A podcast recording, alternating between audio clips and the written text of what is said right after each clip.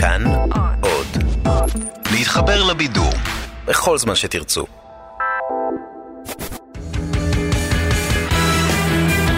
פעם בשבוע, עם תום אהרון, המונולוג המרכזי. הנושא המרכזי שלנו הערב הוא תעשיית הסייבר ההתקפי. כי זה שאיבדתי את הבתולין שלי לא אומר שאני לא אצליח למצוא אותם בחזרה. רק צריך לשחזר את הצעדים, לזכור איפה ראיתי אותם בפעם האחרונה, לחשוב אם הייתי בתולין, איפה הייתי מסתתר, ולהגיע לתעשיית הסייבר. וגם כי כשאנחנו מדברים על תעשיית הסייבר הישראלית, אנחנו מאוד גאים, ובצדק, בהישגים האדירים אליהם הגענו בתחום. וכל זאת אך ורק בזכות המשאב הכי חשוב שיש לעם היהודי. מוח של רוסים, המון המון רוסים.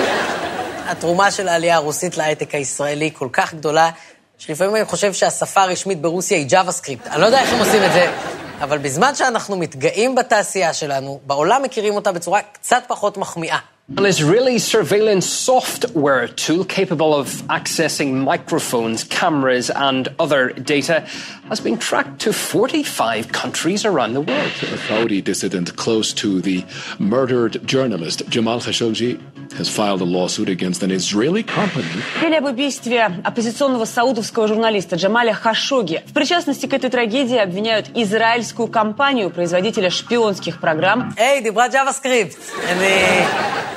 הרבה זמן לא דיברתי, אני קצת חלוד, אבל uh, אם את שומעת אותי, אני רוצה למסור לך uh, document.get elements by tag name, בסוגריים טייטל, ותמסרי גם למשפחה. כי, כי היא נגעה בנקודה, לצד המון החברות הלגיטימיות והמגניבות שיש בהייטק הישראלי. יש גם חברות שעוסקות בריגול, בלפרוץ לטלפונים של אנשים בלי שהם יודעים, ולשלוף מהם מידע פרטי. ולחדירה כזאת לפרטיות יש שם קצת יותר חמוד מריגול. אנחנו קוראים לזה להיות בזוגיות. סייבר התקפי, סליחה, סליחה, אה, אנחנו קוראים לזה סייבר התקפי. אה, ואגב, ממי דנית התקשרה, אז תחזרי אליה. עכשיו, אחת הסיבות שהחברות האלה לא נמצאות בדיון ציבורי, היא כי הן לא נוהגות לפרסם שיש להן טכנולוגיות כאלה. אנחנו מתעסקים בסייבר שהמטרה שלו היא סייבר הגנתי. אה, לא, פה אני מבין, אבל אתם מתעסקים גם בהתקפי, יש איזה מרכז פיתוח בהולנד או משהו ש... אנחנו לא מתייחסים לדברים האלה שעולים ו... מדברים עליהם בתקשורת בנקודות אה, כאלה ואחרות. אוקיי, ובתשובה לשאלה שלי על באמת שאלות של אתיקה שעולות... תראה, עיקר ההתייחסות שלי ועיקר העבודה שלי וההתמחות שלי זה בתחום של הסייבר ההגנתי. אוקיי, אבל מה הבעיה שלך לספר לי קצת על הסייבר ההתקפי? למה סייבר התקפי זה תחום שאתה אומר, אני לא נכנס אליו? כי זה מהות העיסוק שלנו היא בתחום הזה של הסייבר ההגנתי. בסדר, כרגע, אבל אנחנו מדברים על בכלל. ופה עיקר המאמצים שלנו. אוקיי, אז תשובות מעבר לזה אני לא אקבל, אני מבין. לא.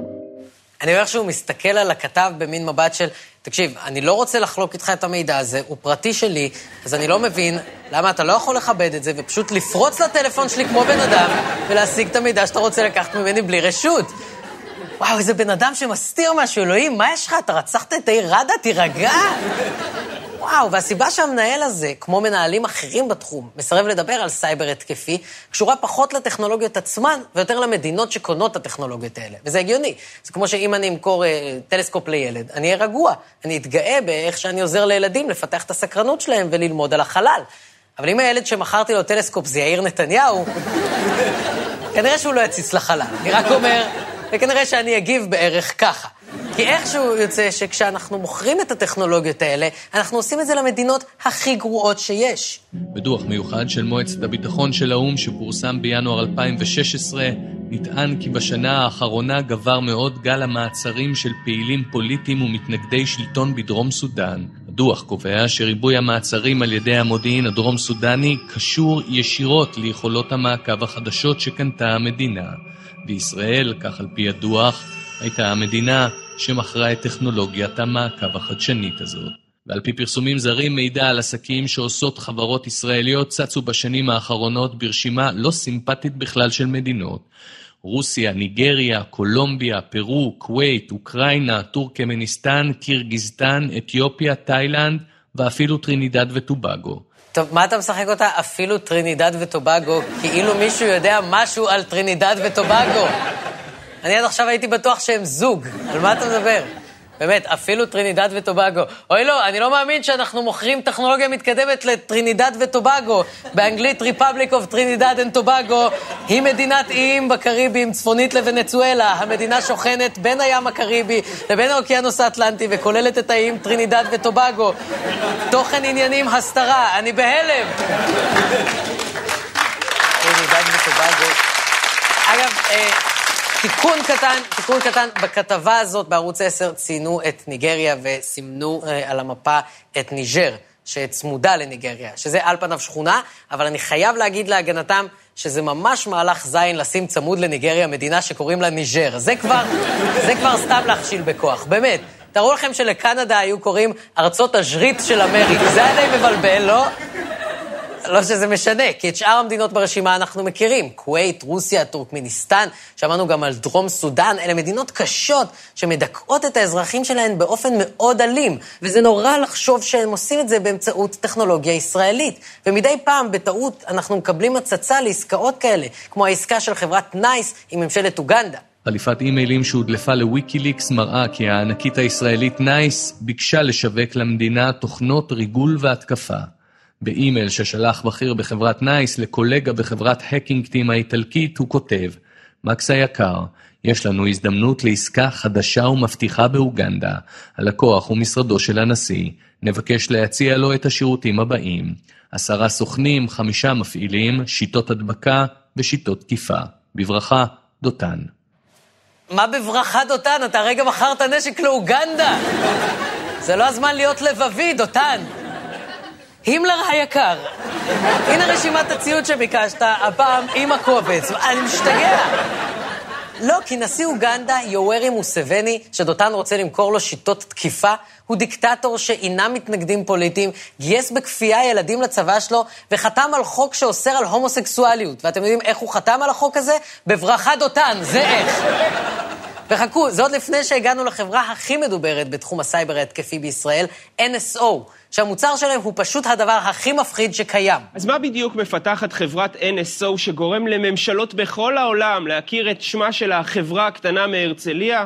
התשובה, תוכנה אחת בשם פגסוס. אז איך זה בעצם עובד? מדובר באחד מכלי הסייבר המתוחכמים ביותר בעולם. החברה מתחזה למכר של בעל הטלפון, וכך שולחת אס.אם.אס או מייל. ברגע שהמטרה לוחצת על הקישור, מאחורי הקלעים תוכנת הריגול מותקנת, והחברה משתלטת על הטלפון ממרחק. יכולה להוציא ממנו מידע, לקבל גישה למצלמה, למיקרופון, לראות את התמונות, ההתכתבויות, אנשי הקשר.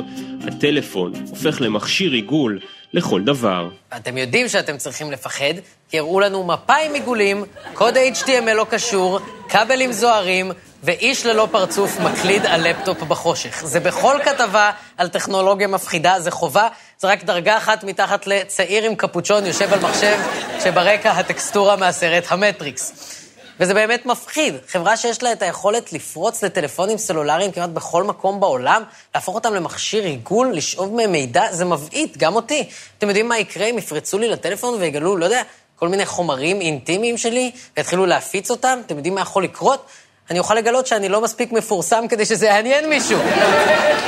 אף אחד לא יעביר את זה הלאה, לרר לא יעשה עליי אייטם, שום דבר. אנשים יגיבו בין אדישות לגועל. ראיתם את הסרטון של תום אהרון? לא, לא, לא, לא, לא, לא, בדיוק אכלתי, תודה, לא, לא, לא, לא, לא, לא. פחד אלוהים. וחוץ מרמת הפרסום שלי, יש לטכנולוגיה הזאת גם השלכות באמת מפחידות. במיוחד אם היא מגיעה לידיים הלא נכונות. כי אפילו על ממשלות דמוקרטיות אפשר לשאול האם אלה הידיים הנכונות להחזיק בזה. אגב, שאלה שגם עולה כשצופים בסרטוני הסקס שלי, אבל על חלק מהמדינות שלכאורה משתמשות בטכנולוגיה של NSO, אין שום ויכוח. הם, הם הרעים. לפי הפרסום ברשת CNN, השלטונות בערב הסעודית השתמשו בתוכנה הזו כדי לרגל אחרי עבד אל-עזיז, חברו של העיתונאי הסעודי. בכך נחשפו לתכתובות וואטסאפ בינו לבין חשוקג'י, בהן דיברו על רצון משותף להפיל את יורש העצר הסעודי. בעקבות המידע הזה, החליטו לכאורה לחסל את העיתונאי הסעודי בפרשה שמטלטלת בחודשים האחרונים את היחסים הבינלאומיים בכל העולם. החליטו לכאורה לחסל אותו, זה, עוד בודקים את זה כנראה. ההימור שלי זה שהבירוקרטיה הרגה אותו. כי אני רק אומר, אם אני הייתי פקיד בקונסוליה, והייתי צריך למלא טופס לבן אדם שקוראים לו חשוק ג'י, גם אני הייתי חותך אותו ל-16 חלקים כנראה. הוא גם בטח הגיע ב-4.56 ביום חמישי, ועכשיו להתחיל איתו, איך אתה מאייד? חשוק ג'י? מה איך ששומעים? אני אחתוך אותך, אל תתחיל איתי. אבל מעבר לשם המרגיז, יש מצב שבזכות הטכנולוגיה של NSO, הסעודים הרגו בן אדם שנכנס לקונסוליה באמצע היום בלי שבכלל עשה משהו. מה שהופך אותם ואת כל החברות שמייצאות לעולם סייבר התקפי לסוחרות נשק.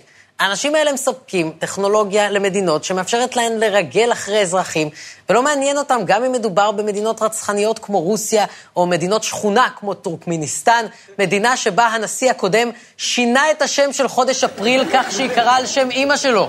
אני לא צוחק, זה קרה. יש מצב...